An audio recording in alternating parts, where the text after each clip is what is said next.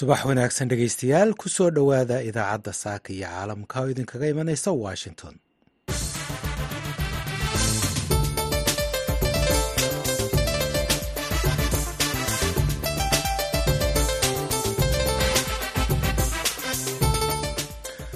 Waa jimce bisha febraayo waa sagaal sannadka labada kun iyo afariyo labaatanka. Saaka iyo caalamka waxaa idiinla socodsiinaya anigoo ah haaruun macruuf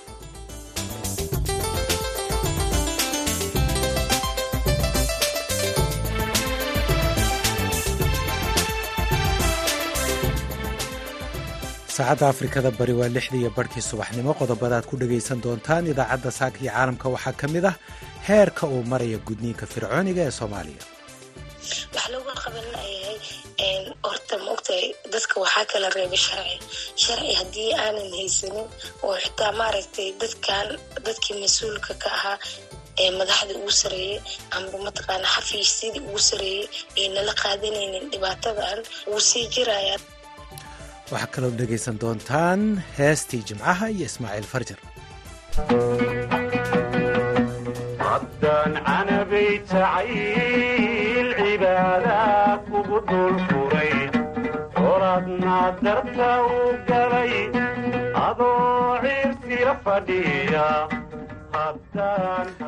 Heestaas goordhowaad ka bogan doontaane marka hore see qodobadii wararka caalamka ugu doorka roonaa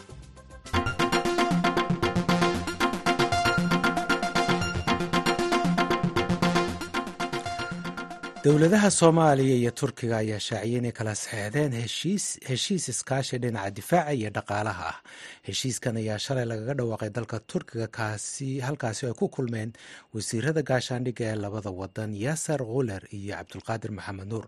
Saraakiisha dowladda soomaaliya ayaa sheegay in heshiiskan uu xoojinayo iskaashiga istaraatiijiyadeed uuna kobcinayo amniga iyo dhaqaalaha islamarkaana uu ilaalinayo madax banaanida iyo midnimada dhuleed ee soomaaliya.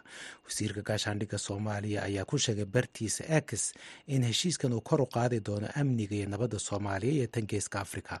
Turkiga ayaa dowladda soomaaliya u tababaray kumanaan ciidamo ah waxaana turkigu sidoo kale soomaaliya ka furay sannadkii labada kun iyo toddobiyo tobanka xarun milatari oo weyn oo lagu tababaro ciidamada soomaaliya ciraaq ayaa dhaleecayn xoogan u jeedisa maraykanka kadib weerarkii ay ciidamada maraykanku ku dileen hogaamiye sare oo ka tirsan maleeshiyaadka iiraan taageerto ee ku sugan dalka ciraaq afhayeen u hadla ciraaq ayaa weerarkan ku tilmaamay inuu ahaa shirqoor loo fuliyey si ula kac ah oo muujinaya inaan wax dan ah laga lahayn shacabka iyo shuruucda caalamiga.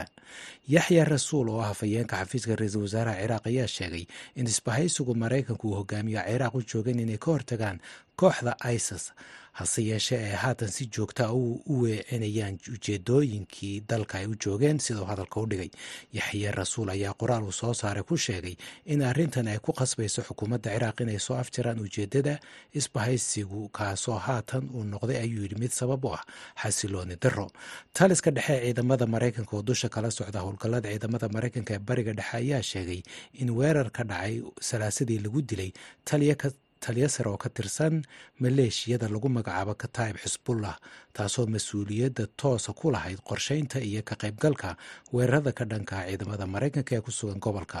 Laba mas'uul oo maraykan ah ayaa v o a u xaqiijiyey in taliyaha la dilay lagu magacaabi jiray wisaam maxamed al sedi isagoo ahaa taliyaha qaabilsan howlgallada dalka hungarina waxaasoo hungari waxay iska fogeysay eeda uga yimid sharciga cusub ee ay ugu magac dareen sharciga ilaalinta madax banaanida kadib markii ay midooda yurub sheegeen inay qaadayaan tallaabo ka dhana sharcigan. Oo ay u arkaan inuu yahay mid ku xadgudbaya xuquuqda asaasiga iyo nidaamka dimuqraadiyadda.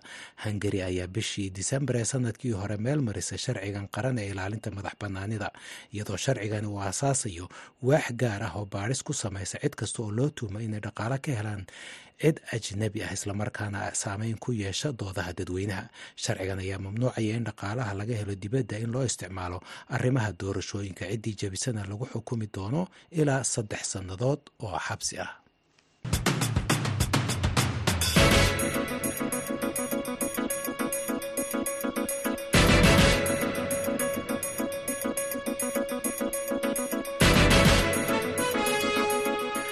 halkaad nagala socotaan waa voice of america. Wasaaradda cadaaladda ee maraykanka ayaa sheegtay in madaxweyne joe biden uu si ula kac ah u haystay dokumentiyo sir ah xilligii uu ka degay xilka madaxweyne ku-xigeen ee uu u hayay dowladdii madaxweyne barack obama. Waraaqaha uu haystay ayay ku jiraan dokumentiyo ku saabsan arrimaha ciidamada iyo siyaasadda arrimaha dibadda afghanistan iyo arrimo kaleoo xasaasi oo ku saabsan arrimaha amniga qaranka sida lagu sheegay warbixin ka soo baxday wasaaradda cadaaladda taasoo haatanna sheegtay inaysan wax dacwo ah lagu soo oogeynin madaxweynaha. Warbixin ay arrintan ka qortay v o eda waxaa inoo haya ismaaciil xuseen farjar warbixintan oo uu soo saaray baadhaha gaarka ah ee loo xil saaray kiiska madaxweyne biden waa robert hare ayaa la sii daayey khamiistii iyada oo ka tarjumaysa qiimayn iyo dhaleecayn xooggan oo loo jeediyey habka uu madaxweyne biden u maareeyey waraaqaha sirta ah ee dowladda. Hase ahaatee waxaa warbixintan lagu faahfaahiyey sababaha keenay in aan wax dacwad ah lagu soo oogin madaxweynaha natiijada ka soo baxday baadhitaankani waxay hoos u dhigi doontaa in madaxweyne biden uu ku dhalilo donald trump habka uu u maareeyey waraaqaha sirta ah ee uu u qaatay gurigiisa raaxada ee ku yaalla gobolka florida. Donald trump ayay u badan tahay in uu noqdo musharaxa la tartami doona biden bisha noofembar ee foodda inagu soo haysa. Baadhaha gaarka ah ee kiiska madaxweyne biden ayaa sheegay in ay heleen caddaymo muujinaya in biden uu si ulakac ah u haystay islamarkaana uu u soo bandhigay waraaqaha sirta ah. Kadib markii uu ka degay xilka madaxweyne ku-xigeenka ee uu noqday muwaadinka caadiga ah. Warbixinta baadhaha gaarka ah ayaa lagu sheegay in qaybo badan oo ka mida waraaqaha sirta ah ee la soo ururiyey in laga helay gurigiisa ku yaalla gobolka delaware iyo sidoo kale waraaqihiisii sanadka ee jaamacadda delaware kuwaas oo halkaas loo dhigay si khaldan biden ayaa sheegay inuu ku faraxsan yahay in baadhaha gaarka ahi uu ka gungaadho baadhista uu sameeyey oo ah in aan wax dacwad ah ka dhalan kiiskan islamarkaana haatan ay tahay in kiiskaasi uu xidhmo wuxuu sheegay in uu si gaar ah ula fadhiistay baadhaha gaarka ah ilaa shan saacadood oo su'aalo kala duwan la weydiinayey muddo laba maalmood gudahood ah oo ku beegnayd bishii oktoobar siddeedeedii iyo sagaalkeedii ee sannadkii hore ee laba kun iyo saddex iyo labaatan oo ahayd maalin kadib markii weerarka lagu qaaday israa'iil biden ayaa sheegay in uu waraysiyada siinayey baadhaha gaarka ah isaga oo la tacaalayay dhibaatooyin caalami ah oo markaas ka taagnaa dunida oo ay ku jirtay arrinta israa'iil. Warbixintan ayaa soo baxday kadib baadhis la sameeyey muddo sannad ah taas oo la baadhayay eedo la xidhiidhay in madaxweyne biden uu si aan hagaagsanayn u maareeyey waraaqaha sirta ah ee dowladda ee yaalay gurigiisa xafiiskiisa sanadka iyo weliba kiisii madaxweyne ku-xigeenka. Mahadsanid ismaaciil xuseen farjar oo warbixintaasi inoo soo koobayay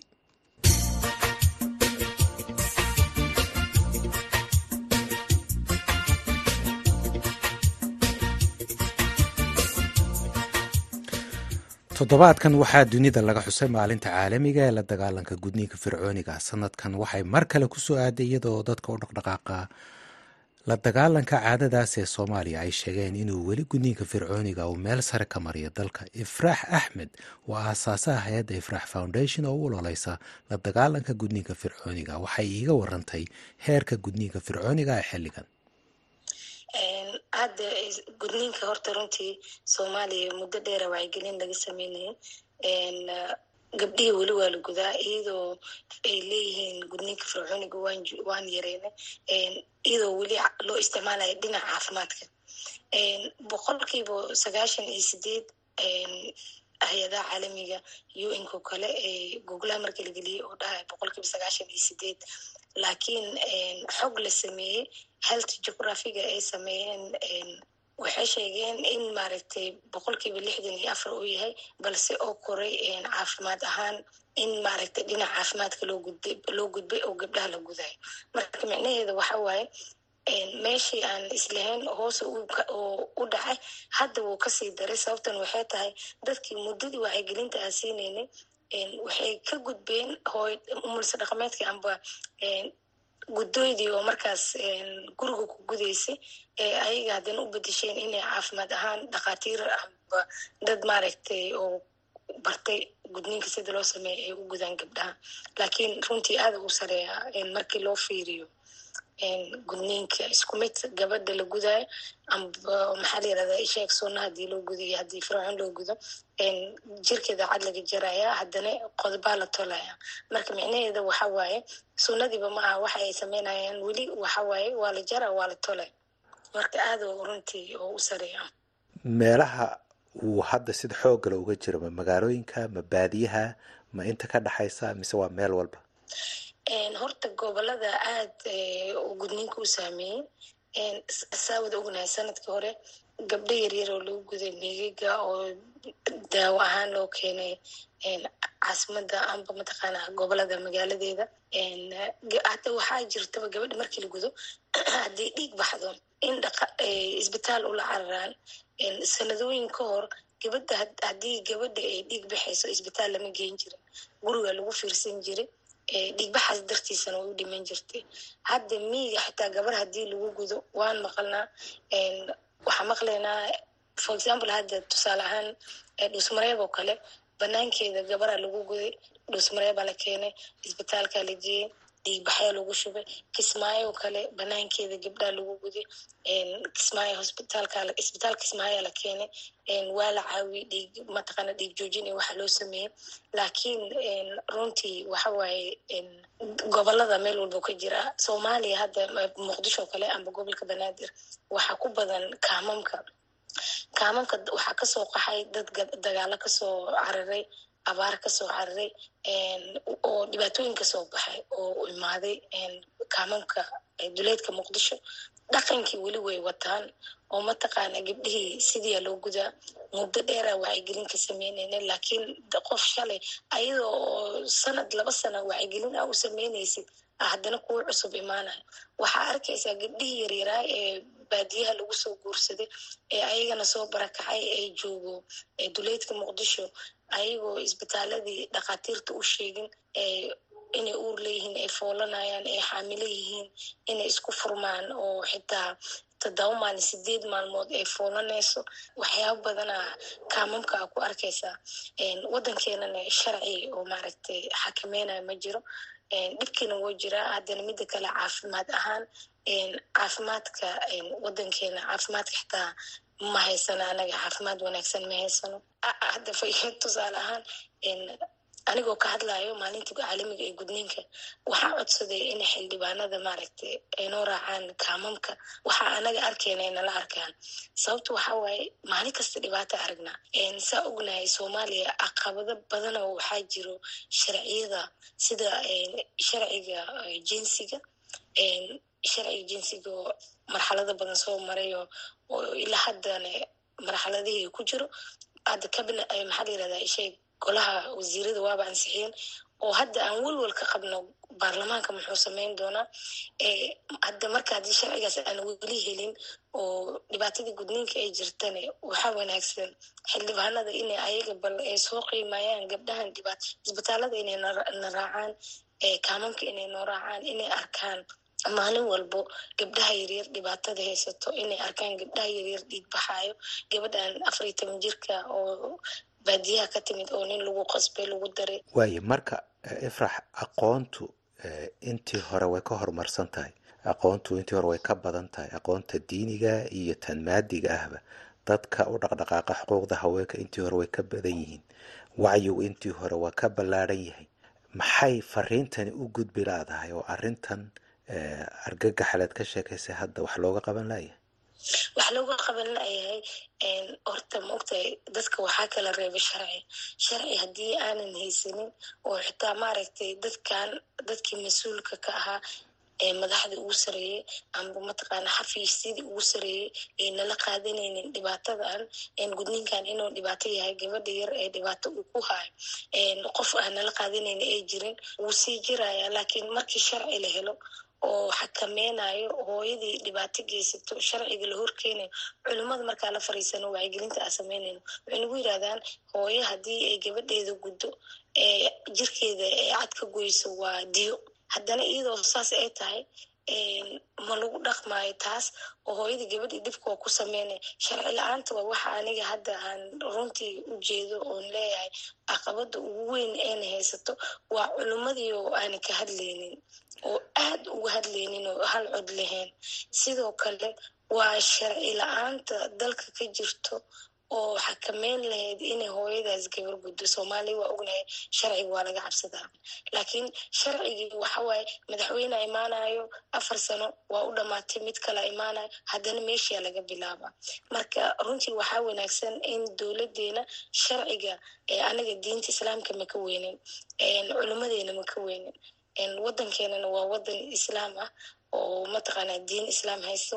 Haddii culimmadii ay maanta wixii xun ay dadkaas u sheegaan wixii oo mataqaanaa wanaagsanne aan ka qaadano ee culimmadii isku raacdo inuu gudninkan yahay mid ba'an oo dhibaato gabdhihii u geysanayo waxaan ogahay in sharciga la heli lahay haddii maanta madaxweynaha amba ra'iisul wasaaraha maalmaha yani tacadi kahortaga gudniinka oo kale amba taxadiga intay soo fariistaan ay ka hadlaan ay yiraahdaan waa in dalkan oo helaa sharci badbaadinaya hooyada siinaya xaquuqdeeda waxaan ogahay inaan heli lahayn sharcigaas in ay hooyo walba ku dhaqanto ay og tahay ifraax axmed aasaasaha ifraax foundation oo igu warreemaysay khadka telefoonka ee muqdisho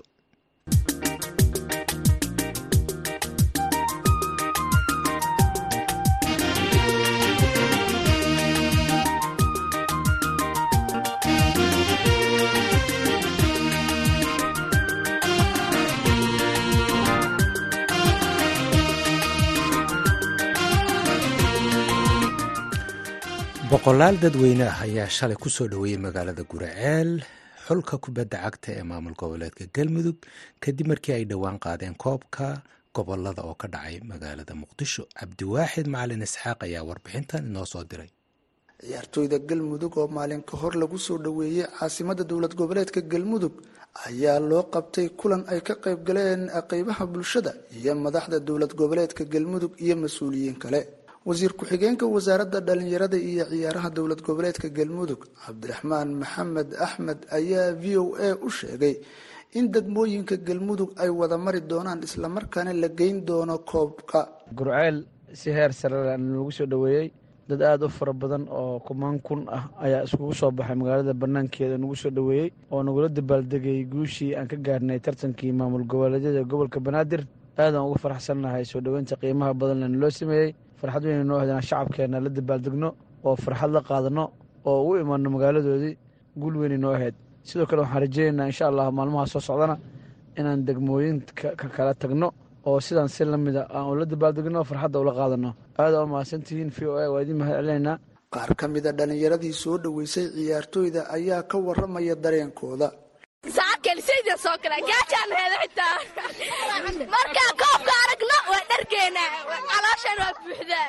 aad iyo aadaan ugu faraxsana wallaahi waa qiiraysanahay. Waxaan sheegi karaba waa iska yar yihiinba. Aniga haddeer wasiirka baadiyaha baadiyahan ka imid baabuuran ka soo raaco labaatan kilomitiraan ka imid inaan koobka soo dhoweeya ayaana u soo tego wasiirka baadiyaha marka waan sugaynaa maanta madaxaana waxaan soo istaagnay saaki hal saaca halkaa soo istaagnay maanta hadda ilaa weli waa taaganaha waxaana sugaynaa waa koobkii koobka oo mar hore saadaalinay. Waa ogeed inaan mar hore saadaalinay inuu burceel ka soo degaayo oo koobkaan aan ku soo dhowaynayo marka waxaan leeyahay maantoo kale madaxaana furan. Kaankana ficilaa noo dheer haddaan reer galmudug nahay koobkana qoraxdaa u taagana ilaa koob ka yimaado lagama yaa inaan meeshaan ka tago. Ciyaartooydii xulkeenna iyo waa soo dhowaynaynaa maantoo kale wallahi bilaa tallah farxad mina saad waaye lama soo koobi karo mar kale waxaan aniga meeshaan u imaaday oon taageero u ahay galmudug khaasatan degmada gurceel magaaladeydii ayaan leeyahay hooye macanto waan ku soo koray waan jeclahay. Boqolkiiba boqol dadkeeda iyo bulshadeeda iyo dhallinyaradeeda. Maanta farxad darteed madaxa ay furan. Gaar ahaan gurceel maanta oo diini lagu soo dhowaynaa madaxa ay furan shucuurteeda way kacsan tahay. Cabdiwaaxid macalin isxaaq v o a gaalkacyo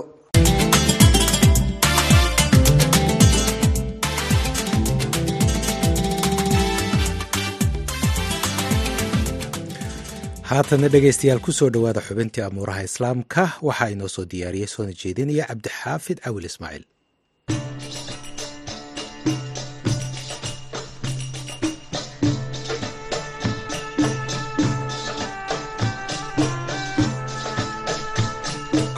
Aagsandalkiinba khiyaartan ad dhegaysanaysaa meel kasta oo aad caalamka ku sugan tihiinba kun u soo dhowaada barnaamijkeenii amuuraha islaamka ka hor doorashadii shalay ka dhacday dalka bakistan sahan lagu sameeyey doorashadaasi ayaa lagu sheegay in in ka badan saddex meelood laba meelood oo ka mid ah muwaadiniinta dalka bakistan aysan ku kalsoonayn hufnaanta hanaanka doorashada iyo dowladda dalkaasi ka hor doorashada baarlamaniga ah. Waa maxay sababta dad intaas leeg ay u muujinayaan warwarka intaasi? Bakistan maxay markasta uga taagan yihiin muranka siyaasadeed. Warwarka doorashada iyo ridista ra'iisul wasaareyaasha la doorto muxuuse milatarigu mar kasta awoodda u leeyahay. Barnaamijkeena amuuraha islaamka ayaynu ku eegaynaa haddii ilaahay idmo. Sida lagu daabacay mareegta wararka ee idaacadda v o a shirkadda gallup ee fadhigeedu yahay maraykanka ayaa sahankan ku ogaatay in dadka bakistan ay si isa soo taraysa uga niyad jabsan yihiin caqabadaha dhaqaale siyaasadeed iyo kuwa amniga ee khatarta ku ah xasiloonida dalkooda iyadoo niyadjabkuna uu gaadhay heerkii ugu sarreeyay ka hor codbixinta toddobaadkan. Waa maxay sababta siyaasadda bakistan u xasili la-dahay su'aashaasi ayaan weydiiyey maxamed xasan dable oo ah falanqeeyo degan magaalada leesta ee dalka britain. Cabdi xaafid arrimaha inta badan loo aanayo in ay sabab u yihiin xasilooni darada siyaasadeed ee ka aloosan dalka bakistan waxaa lagu tiriyaa inay dhowr yihiin hase yeeshee ta ugu weyn. Waa isfaham darada inta badan u dhexeyso madaxda militariga ah iyo kuwa shibilka ah tusaale ahaan ra'iisul wasaarihii hore ee dalka cimran khan iyo madaxda militariga ah in madmadow soo kala dhexgalay haddana arinkaas weli aan la xalin oo isagu xabsi loo taxaabay taageero ba'anna kuleh dadka gudahooda aan la garan karin. Doorasho isaga uu ka maqan yahay waxa ay soo kordhin doonto. Xasilooni daradana laga yaabay inay cirkaa u sii kacdo waxaa kaloo jiraan in amni darre ay jirto oo taalibaanta bakistan ay weeraro ba'an qaadeen ilaa boqol iyo konton sanadii la soo dhaafay.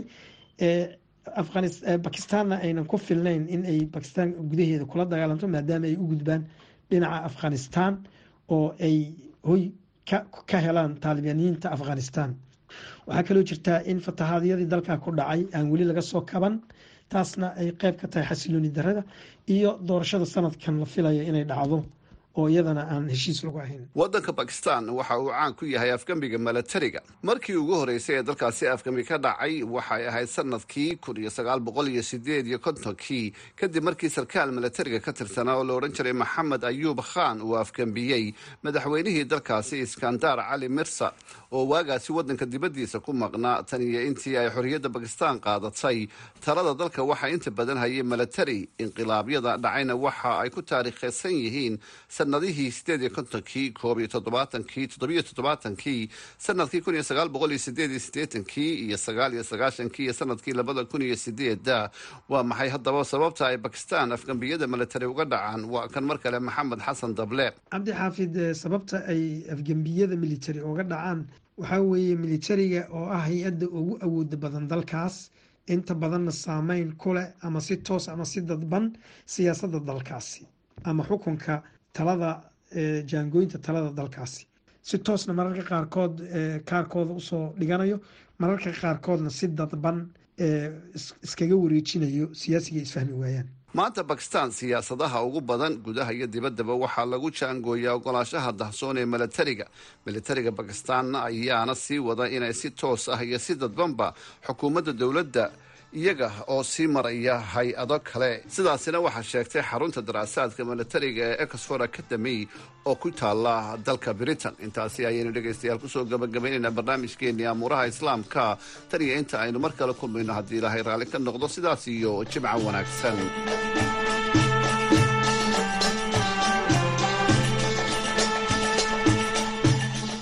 aad iyo aad buu umahadsan yahay. Cabdixaafid caawil ismaaciil haatan waxaynu leexan doonaa dhinacii heesaha heesta. Maanta waxaa inoo qaadaya fanaanka cabdi tahliil laakiin cabdi tahliil markaad magaciisa maqasho waxaa kugu soo dhacaya heesaha quruxdii bilayd yaxyax wardheer xodaamo ugaaso garaabidhaan iyo kuwo kale. Toddobaadkan ismaaciil farjar waxay uga dhegtay canab. Siida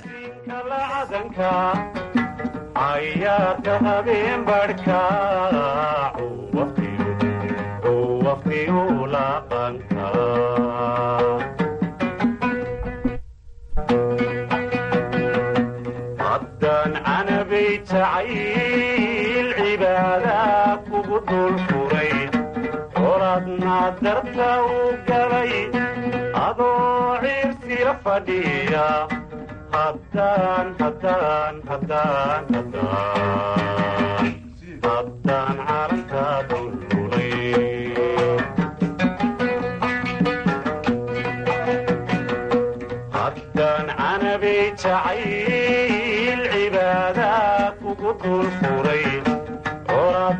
darta uu galay adoo ciirsila fadhiya.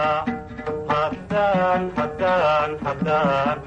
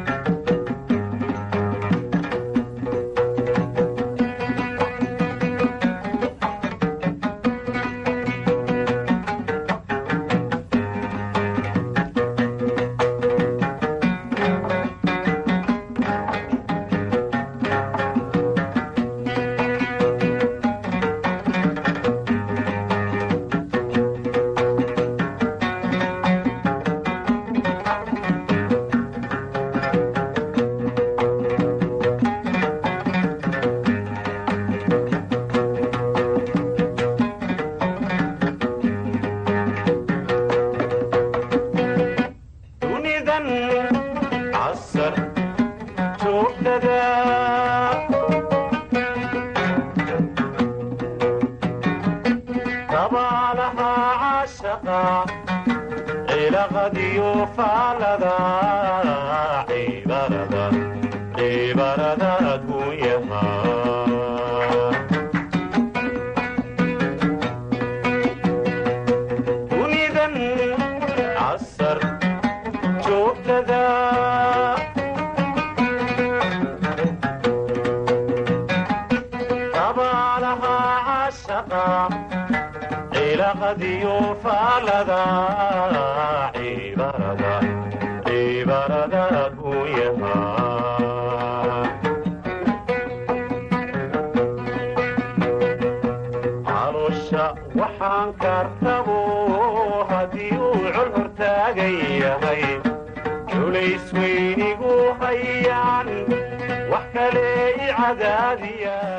heestaasi canab iyo allah u naxariistay cabdi tahliil warsame ayaan ku soo xiraynaa idaacaddii subaxnimo. Waa anigoo haaruun macruufa iyo ismaaciil xuseen farjar oo idin leh nabadgelyo